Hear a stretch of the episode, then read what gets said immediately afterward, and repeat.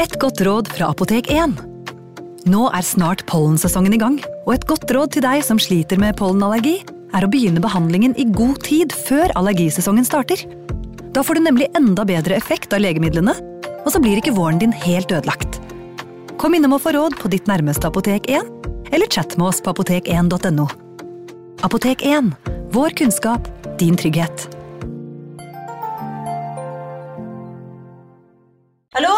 Jeg kommer fra Oslo politikammer.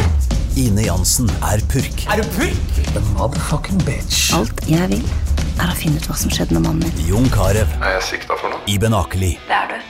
Ole So, Lars Berrum og Big Daddy Karsten. Hvem sin side er du på, egentlig? Anette Hoff, Tone Danielsen, Kommer du fra Afrika? Jørnis Josef, Nesten kløfta. Trond Espen Seim, Det er synd å si det, men det var feil mann som døde. Purk. Premiere tirsdag på TV2 Play. Advarsel. I denne podkasten vil du høre historier basert på informasjon programlederne har funnet selv. Programlederne står ikke nødvendigvis inne for meninger og syn som fremstilles. Noen påstander kan avvike fra virkeligheten.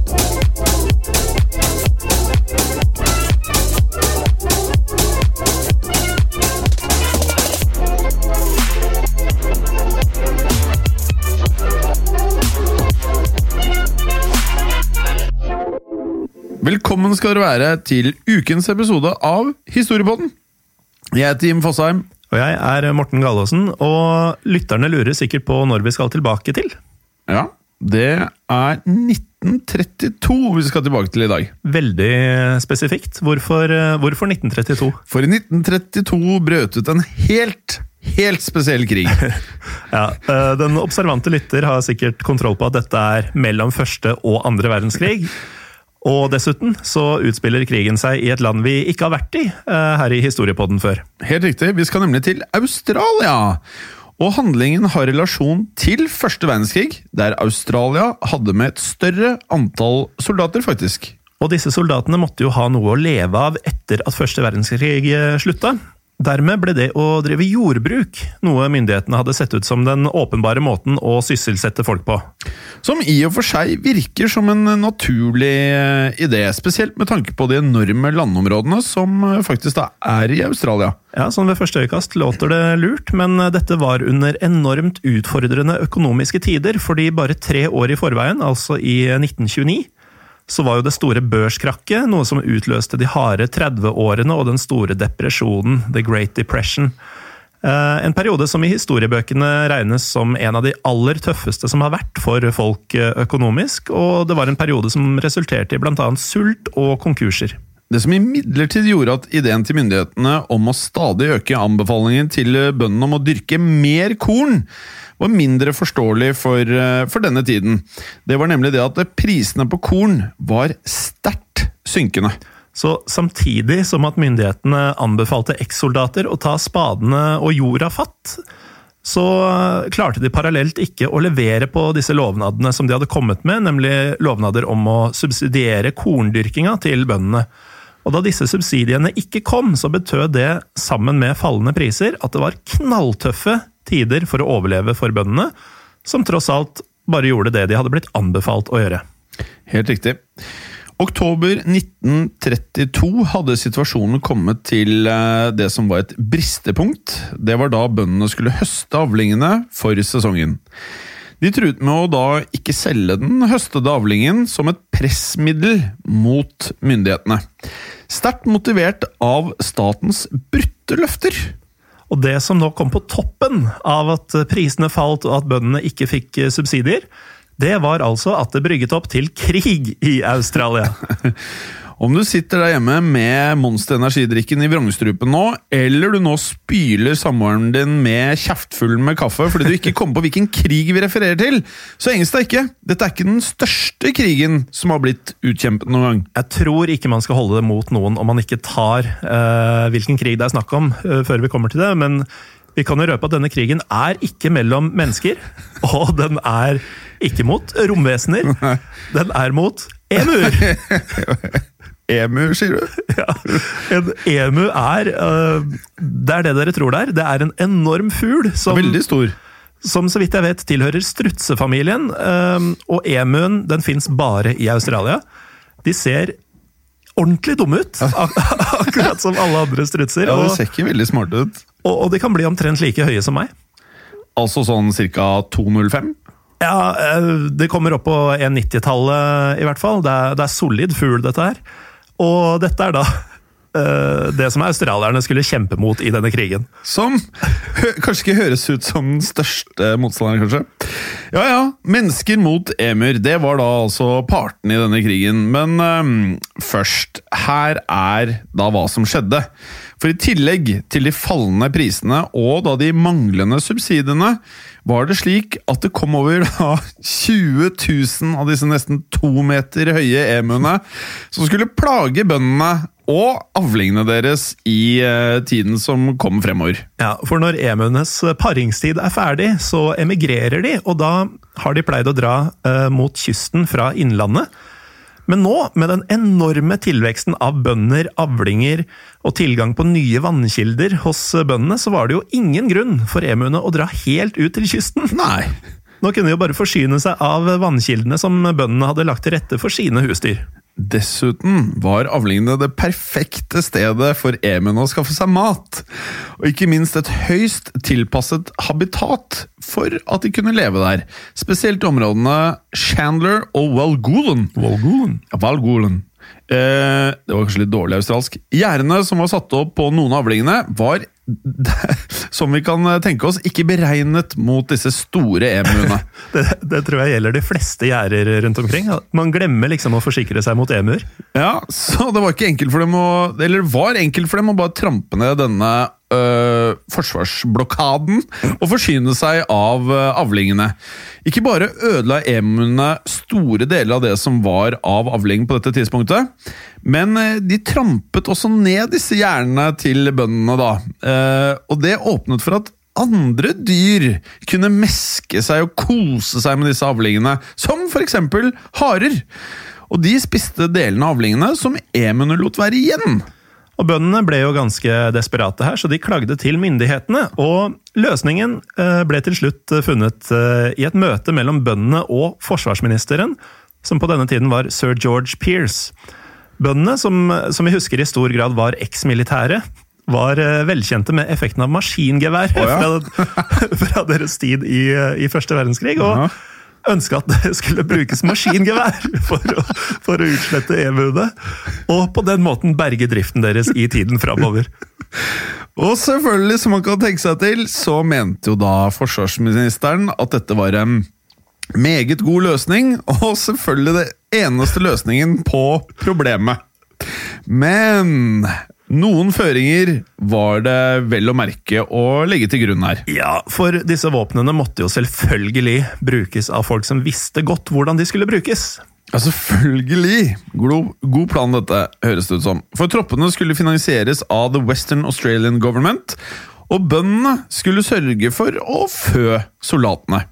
Og at de kunne sove på gårdene deres, men bøndene måtte betale da for det som var av ammunisjon til soldatene. Ja, og det er jo bare vinn-vinn-vinn hele veien her. Ja, er. Forsvarsministeren mente jo også at dette kunne jo gagne militæret til Australia, for det ville jo fungere som ypperlig trening for soldatene. Her har de jo antagelig sett for seg bare at man skal line opp en haug med fugler og massakrere dem ja, med maskingevær. Jeg vet ikke helt hva, hva slags ypperlig trening dette er, men Hvorfor ikke høre på en jeger, som da har vært vant til å skyte disse emuene? Ja, men det, dette skulle da være ypperlig trening for de australske soldatene, og dermed var det nå offisielt Australia, nasjonen Australia, som skulle gå til krig mot eh, emuene. Og slik startet emukrigen, eller på engelsk The Great Emu War. Og dette er helt seriøst. Ja, det, er, det, er, det er helt seriøst. Eh, og militæret sto klare til å gå til krig allerede tidlig i oktober 1932. Ja, og Man skjønner jo at de, kom, at de var klare tidlig, for du trenger kanskje ikke ra å legge rare slagplanen når motstanderen er en flokk med struts. Um, det, det er ikke noen sånn nøye tilrettelagt operasjon kjøttdeig som man trenger uh, her. Nei, de var klare, men pga. enorme nedbørsmengder i denne perioden måtte de avvente angrepet deres. Forresten, vet du hvor mange soldater Vet du hvor mange soldater som skulle delta i The Great Emu War, Morten? Det var 20 000 emoer. Eh, emuer. Eh, så ja, 5 kanskje? 1000 soldater? Ikke helt. Følgende var nemlig hæren til Australia. Det var major GPW Meredith fra den syvende batteridivisjonen av The Royal Australian Artillery. Og med seg hadde han sersjant O'Halloran og McMurray, som begge var utrustet med den velkjente Louis-gunnen, som var brukt i eh, første verdenskrig og i veldig mange andre kriger etter dette. De hadde også med seg 10 000 runder med ammunisjon. Så hæren besto av tre personer som hadde 10 000 runder med ammunisjon, og de skulle skyte 20 000 emuer? Nei, helt riktig. Det er, det er ikke helt lett å forstå krigsstrategien her, men det var noe sånn den en gang ble lagt. da. Og hvorvidt denne litt eh, merkelige strategien fungerer, og om hæren hadde nok ammunisjon til å beseire denne mektige fienden, det får du vite etter en kort pause. Velkommen tilbake. Vi er kommet til det som skulle være starten på EMU-krigen, men pga. et voldsomt regnskyll måtte de som sagt vente litt. Grann. Og da regnet omsider hadde gitt seg, da var det blitt november, og 2. november var krigen offisielt i gang. Med en helt spesiell beskjed i tillegg. De måtte nemlig se til å samle 100 emuer, som nærmest som krigsfanger, som militæret kunne bruke for å lage hatter til kavaleriet deres. Ja, når, vi researcha dette, her, så satt vi med en følelse at dette kunne jo ikke være det som hasta mest, men det så ut som en av de ordrene som var høyest på agendaen til da forsvarsministeren og det australske mm, hæren. Ja, men eh, det, det, det, å samle 100 emuer så de kunne lage hatter, det, det var på ingen måte det som hastet eh, mest. Eh, soldatene de dro først til et område som het Campion, der det var uh, spottet 50 emuer.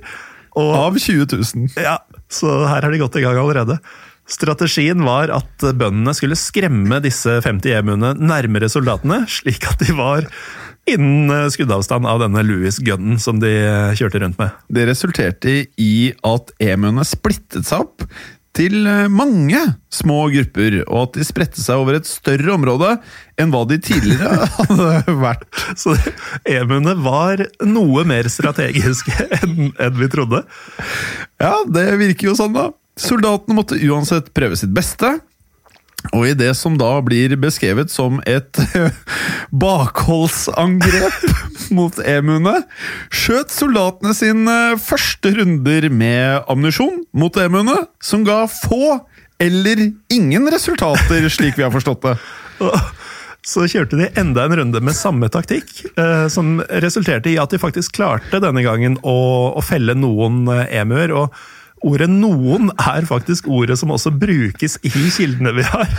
Eh, det er ikke sånn at de tok tolv, f.eks., men eh, de mest optimistiske estimatene som vi har funnet, de taler for at kanskje et dusin emuer skal ha blitt felt. Men det, er, eh, det, er, veldig kanskje og cirka og omtrentlig. Ja, i hvert fall noen emuer. Ja. Og to dager senere, da var vi kommet til den 4. november, så hadde sersjant Meredith satt opp det som skulle være et effektivt bakholdsangrep, for i nærheten var det en dam der det skulle være ca. 1000 emur. Og det høres jo igjen ut som eh, noe som kan materialisere seg i hvert fall eh, noen fjær til kavaleriets eh, hatter. Men da de åpna ild mot fienden, så kilte våpnene til hele den australske styrken seg. Altså, våpnene til både Meredith, O'Halloran og McMurray kilte seg alle sammen rett etter at de hadde begynt dette angrepet. Eh, så det resulterte i at enda et dusin cirka fugler av disse tusen som de egentlig hadde sikte på, skal ha blitt felt. Og Det som er verdt å få med seg her også, var jo at eh, myndighetene tenkte at dette, denne krigen da, kunne fungere som et ypperlig sted. Og, for du må huske på at Dette var jo depresjonstider, økonomien var dårlig, så her mm. skulle man skape god stemning. Og at Australia eh, enkelt skulle klare å vinne denne eh, EMU-krigen. Så de hadde med seg hele tiden eh, en gjeng med observatører, og blant annet da et eh, filmteam. Men eh, Slik vi har forstått det, så klarte de aldri å fange noe de kunne bruke i denne propagandaen til økt optimisme i Australia. Nettopp pga. alle de eh, forsøkene, de bakholdsangrepene som ikke fungerte så veldig bra. Så med depresjonen og, og, og all nøden som var både i Australia og resten av verden, så var jo dette, denne mislykka, så langt i hvert fall, krigen mot emuene, et tegn i tiden. da. Det passa godt inn i resten av samfunnet. Definitivt. Uh, flere emuer ble mm, ikke spottet denne dagen hvor de feila ved denne dammen, da. Ettersom hæren ikke følte strategien deres fungerte så godt som de hadde trodd. Valgte de å flytte styrkene sine lenger sør, der emuene var sagt å være langt tammere. Og dermed uh, at det var da enklere å snike seg innpå fienden. Herregud. Observatører hadde funnet ut at eh, flokken hos fienden hadde en leder. Det var, det var, en stor, svart emu som sto, skal ha holdt øye med hva soldatene gjorde. Og denne lederen han skal også ha fulgt med på hva som ble gjort av ødeleggelser på avlingene. Som, som om dette var nøye planlagt. I regi av lederen? ja, nøye planlagt av emuene. Uh, denne fiendtlige lederen gjorde livet da veldig surt, som vi skjønner, for hæren uh, til Australia. De prøvde derfor å feste Louis-gunnen sin på bakplanet av en eh, pickup-truck. Dette var da det hemmelige våpenet som de da omsider fant ut at de skulle ta i bruk. Slik at de kunne kjøre parallelt med at emuene løp. Slik at de da også kunne skyte i fart. Og etter hva vi forstår her, så var jo da kamerateamet veldig i eh, Hva skal jeg si optimistiske til at de kunne få fantastiske bilder og, og filmer ut av dette angrepet her. Men denne drive-by-taktikken, som, som, det høres ut som, den, eh, den endte også komplett mislykka. Ja. Og det er nesten så man hører Benny Hill-musikken i bakgrunnen her, mens man eh, ser for seg hva som skjedde. Eller, eller, at man forventer at John Cleese plutselig skal fortelle resten av historien her. Uh, problemet deres denne gangen uh, var at det viste seg at emuene de kunne jo løpe opptil 40 km i timen i, i ulendt terreng, mens bilen den klarte jo ikke å kjøre fortere grunna det samme terrenget. Og, og soldaten på bakplanet var jo da ikke i nærheten av å kunne sikte på noe som helst, ettersom pga. underlaget så pekte jo maskingeværet i alle retninger mens pickupen kjørte så fort det var mulig på, på dumper og annet ujevnt underlag. Der kunne vi dessverre ikke bekrefte kildene våre, men uh, noen steder står det faktisk at uh, denne pickupen fikk så store problemer med alle disse humpene at den da faktisk uh, feila til slutt. Og at de måtte bare stoppe hele opplegget. Så de hadde material damage i krigen mot emuer? det er jo det virker sånn. Det høres ut som vi sitter og kødder med lytterne nå. Ja, men det, er, det, her er sant, og det er jo ikke så lenge siden, så mye av dette er dokumenterbart. Men jeg tror også at de har prøvd å liksom legge litt skjul på hvor gærent dette faktisk gikk for Australia sin del. da. Heldigvis har vi historie på den til å nøste opp i disse nedgravde greiene. For da våre australske helter var kommet til dag seks i krigen, da var vi da kommet til den 8. november, så hadde de brukt opp 25% av det allerede svært begrensede ammunisjonslageret sitt. Som da betyr at de fyrte av hele 2500 skudd men kun hadde felt 50 av de totalt 20 000 fiendene de var i krig mot. og Meredith, eh, altså hærføreren her, han, eh, han, valgte da i denne stund å gi den mest positive tilbakemeldinga som mulig til regjeringa, da han eh, fortalte dem at han kunne gledelig fortelle at det har ikke lidd noen falne soldater så langt i krigen. Og en ornitolog som skulle beskrive utviklingen så langt, hadde fortalt, eller uttalt følgende da. Ornitolog er fugleekspert? Ja, det er slik jeg har forstått det. Jeg Kommer sikkert fra antikke Hellas, vil jeg tro. Godt mulig. Hør på følgende. The machine gunners' dreams of point blank fire into serried masses of emus were soon dissipated. The emu command had evidently ordered guerrilla tactics and its unwieldy army soon split up into un, innumerable small units that made use of the military equipment uneconomic. A crestfallen field force therefore withdrew from the combat area after about a month. Det er, det er ikke en stor suksess så langt i, i krigen. Men er det skrevet med litt tull, eller? Litt glimt i øyet, hva tror du? det må jo være det. The Emu Command had evidently ordered guerrilla tactics. Jeg tror ikke den store svarte emuen eh, ordered noe som helst. Det tror ikke jeg heller. Denne mangelen på suksess den, eh, den skulle eksemplifiseres ytterligere da representanter i uh, The Australian House of Representatives, eller um, Representantenes hus, Ja. uh, diskuterte operasjonen uh, så langt. Og ettersom de følte at de ville bli ydmyket ytterligere i media for eh, den totalt mislykka krigføringa de førte mot denne stakkars fuglen, så eh, tilbakekalte forsvarsminister Pearce troppene fra krigen. Og etter tilbakekallelsen så sammenlignet Meredith Bare hør på det her. Hør på det her. Meredith sammenlignet emuene med Zulu-krigere! Fordi han mente at emuene var så enorme krigere! Med vanvittige taktikker! Militæret klarte altså ikke å beseire en flokk emuer. eh, en flokk emuer som var ledet av en emu. Og en, eh, en forsker ved navn Louis Lefebvre han har faktisk omtalt emuen som den dummeste fuglen i verden. At uh, Når man snakker om sånn her, din fuglehjerne eller birdbrain, Ja. så er det ofte um, ofte noe du dummer deg ut med selv, fordi mange fugler er fryktelig smarte. Oh, ja. Emuen er unntaket. Den Det er er ikke en av de. stokk dum, men likevel outsmarta emuene australske offiserer. Flatterende. Så hadde det seg slik at det var dokumentert at emuene, selv når de var skutt, så fortsatte de å løpe for full hals. Så Meredith var ikke mindre fantasifull enn at han måtte gjøre enda en sammenligning. Hør på følgende. If we had a military division with the bullet-carrying capacity of these birds, it would face any army in the world. They can face machine guns with the invulnerability of tanks. They are, they are like Zulus, whom even dum-dum bullets could not stop. Hva skal man si? For en krig! Ja, det er helt rått. Det er helt rått. Lyttere, dere lurer nok på hva som skjedde så. For nå var det jo tross alt 19 950 emer igjen av de 20.000 som skulle kriges i senk.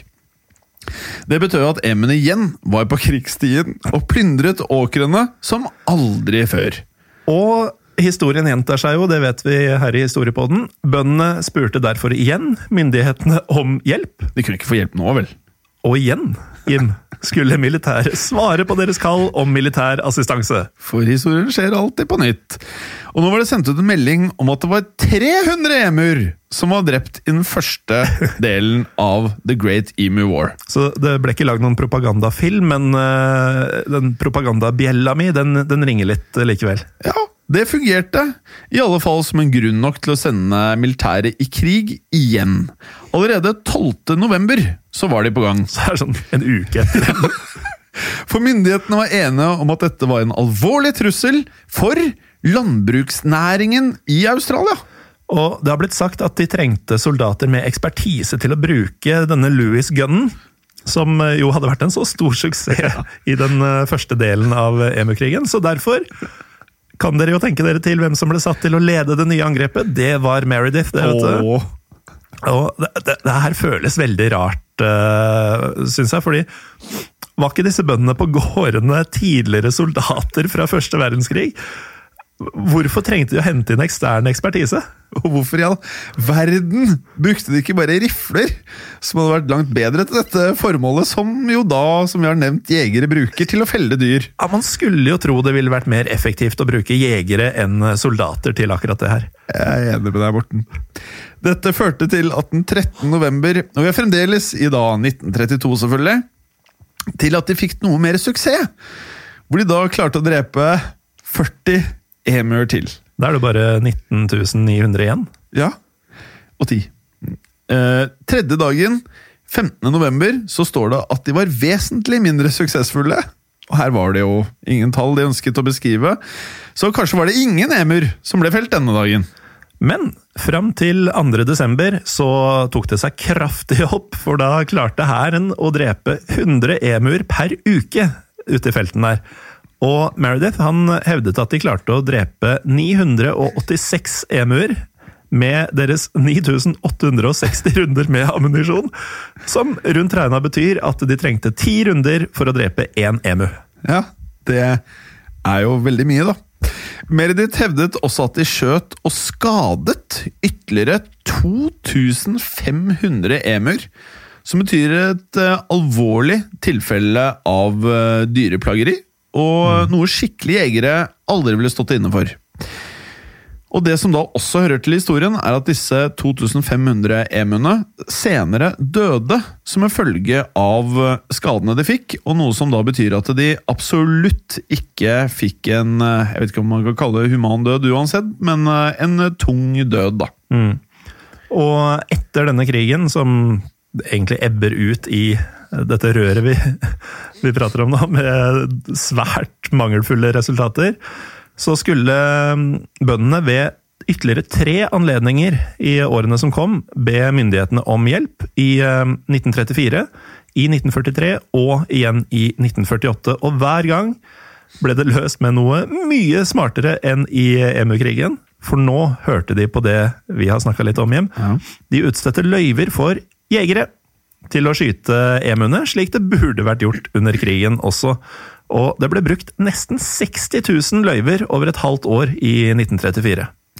Nå tenker du, kjære lytter, at episoden er ferdig, ikke sant? Men det er den ikke. For fortsettelsen er den at problemet med emuene ble løst for alvor ved at bøndene bare lagde et høyere og bedre gjerde.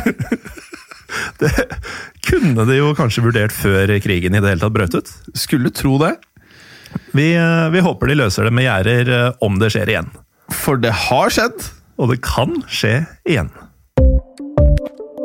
I produksjonen av Historiepodden så ønsker vi å takke Håkon Bråten for lyd og musikk. Takk til Felix Hernes for produksjon. Takk til Ellen Froktenestad for tekst og manus. Og takk til deg, Morten Galesen, for programlederrolle. Og takk til deg, Jim Fosheim, for programlederrolle. Moderne media. Har du et enkeltpersonforetak eller en liten bedrift? Da er du sikkert lei av å høre meg snakke om hvor enkelt det er med kvitteringer og bilag i fiken, så vi eh, gir oss her, vi. Fordi vi liker enkelt. Fiken superenkelt regnskap. Hei, og takk for at du lytter til Historiepodden. Skulle du ønske at du kunne høre en ny episode av Historiepodden hver eneste uke? Vel, da er det én ting å gjøre. Da kan du laste ned podkastappen Untold med det samme. For i tillegg til ukentlige episoder av podkaster som Historiepodden andre verdenskrig, Henrettelsespodden og også Gangsterpodden, så får du masse annet reklamefritt og også eksklusivt innhold. Last ned Untold i AppStore eller Google Play og start din 30 dagers gratis prøveperiode allerede i dag.